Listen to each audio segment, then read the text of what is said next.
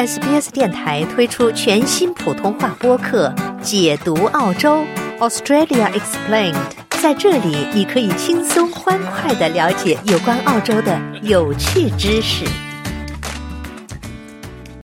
随着年纪渐长，有时它就意味着我们会患上更多的慢性病，遭遇身体衰退，感受内心孤独。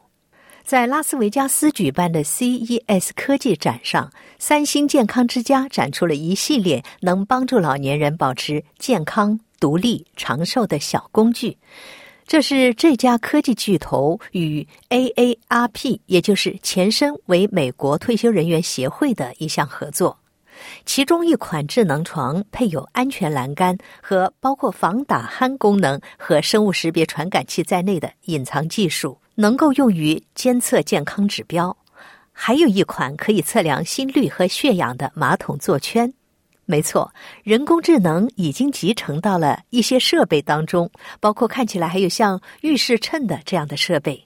乔安·詹金斯是 AARP 的首席执行官，他说：“我们有一款设备，你可以站在上面，它的工作原理很像体重秤。”但实际上，它可以预测你在未来十二个月内是否会发生严重跌倒事件。我们知道，对于老人来说，跌倒是他们最害怕经历的事情之一。所以，用一个简单的设备来检测你的平衡，真的可以让你明白做些平衡练习，或者把地毯从家里拿走，这些事情有多么重要。因为地毯常常是导致人们摔倒的主要原因之一。Carpet is one of the number one reasons why people fall. AARP 评估，仅在美国被称为 Age Tech 的市场规模就达到了每年十二万亿澳元。随着越来越多的人步入老年，相关需求可能会持续增长。韩普博士是三星健康的数字健康全球负责人，他表示，人工智能在家庭养老发展中发挥着至关重要的作用。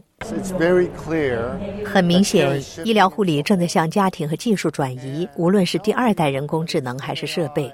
但都真正由数据在驱动，这些都将是帮助解决日益增长的老龄化人口所需要的，而老龄化人口将对系统有更大的需求。我们还没有做好准备，唯一的出路将是技术。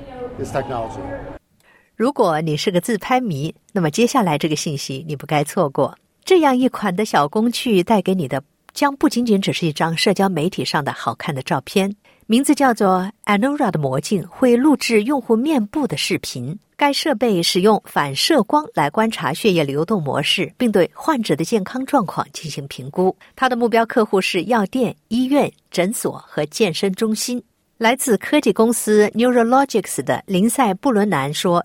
智能镜正是他们开发的产品。这是我们的 Anura 魔镜，它的功能是是一个桌面智能镜。我们用它拍摄三十秒的自拍视频，而我们实际上会对皮肤下的血液流动模式进行分析，以得出生命体征和健康测量的结果。三十秒，我们就能捕捉到相当多的信息。该设备可以测量一系列健康指标，包括血压、脉搏和呼吸频率、面部皮肤年龄和精神压力状况。得益于人工智能，它还可以告诉用户他们遭遇某些健康状况的风险，如二型糖尿病、心脏病发作和中风等。我们使用人工智能来帮助我们对不同的健康参数进行预测和评估，比如预测你的血压变化和你患上心脏病和心血管疾病的风险。所以，事实上，人工智能正在帮助我们进行评估和预测。BMO 是另一款用于健康检测的小设备，它配备了传感器，可以快速、简单的捕捉基本的健康信息。利维亚·罗比克是 Withins BMO 的产品经理。It's a revolutionary at-home health checkup device. 这是一款革命性的家庭健康监测设备，它把四个传感器集成到一个小型便携式的设备中。这四个传感器是一个单导连心电图机，可以对你的心脏活动进行评估，还可以检测心房颤动的迹象，是一种心脏病理学。电机中还嵌入了一个脉搏血氧计，可以测量你的血压水平，测量你的肺部将氧气从肺部输送到血液的效率有多高。此外，还有一款智能听诊器。这是一个数字听诊器，你可以把它放在身上，用耳机进行心肺听诊，就可以在远程就诊时将相关的信息实时传输给医生。最后，还有一种非接触式温度计，只需几秒钟，通过扫描你的前额并覆盖颞动脉，你就可以测量体温了。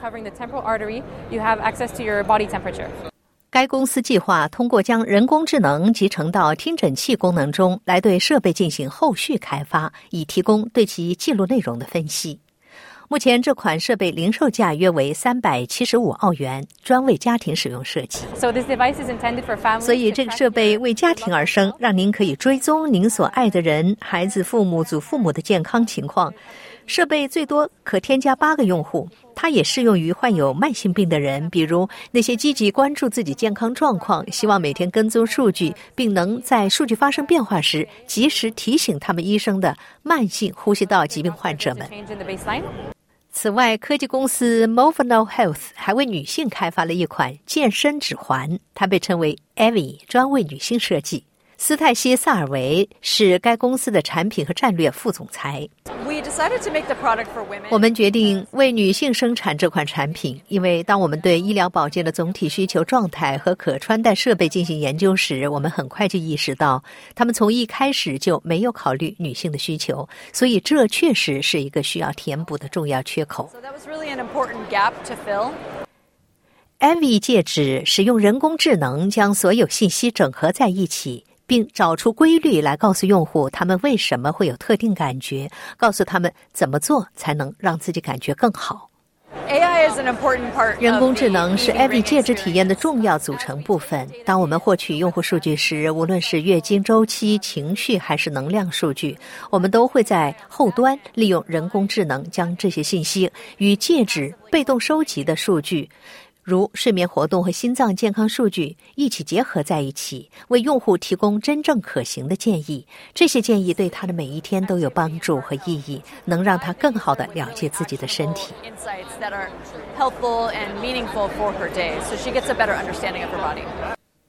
CES 二零二四科技展只是对健康技术未来的一瞥。运用最前沿的 AI 人工智能技术，我们可以期待出现更多创新和个性化的方式来监测我们的健康，增进我们的福祉，让我们过上更健康、更幸福的生活。喜欢、分享、评论，欢迎您在 Facebook 上关注 SBS 普通话页面。